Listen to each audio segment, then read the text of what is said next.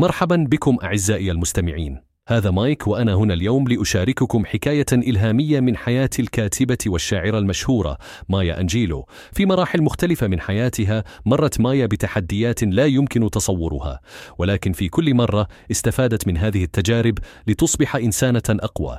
كان لديها القدرة على التحليق فوق الصعاب ولهذا سميت قصائده أحبكم حتى تستطيعون الطيران.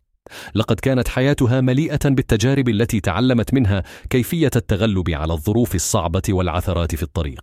قالت مرة: لقد أدركت أن الشجرة والرياح تعلمت كيفية الاحتضان حتى تتمكن الشجرة من الوقوف بثبات. هذه الكلمات تعبر عن قوة الإرادة والتحدي الذي يمكن أن يكون لدينا جميعا للنجاح. لكن ما يميز مايا أنجيلو هو دعوتها الدائمة للناس جميعا للوقوف والتحدي ومواجهة المصاعب. لقد أعطت الأمل للكثيرين بقصائدها وكلماتها الحكيمة.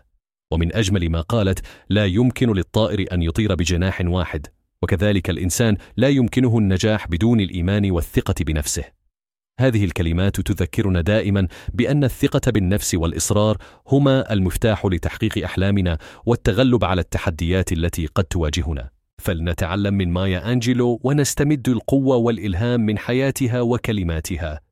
فعلى الرغم من الظروف الصعبة التي مرت بها استطاعت أن تصبح مصدر إلهام للجميع.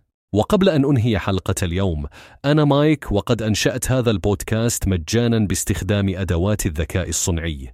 تعلم كيف فعلت ذلك على mrc نقطة fm/x أراكم غدا.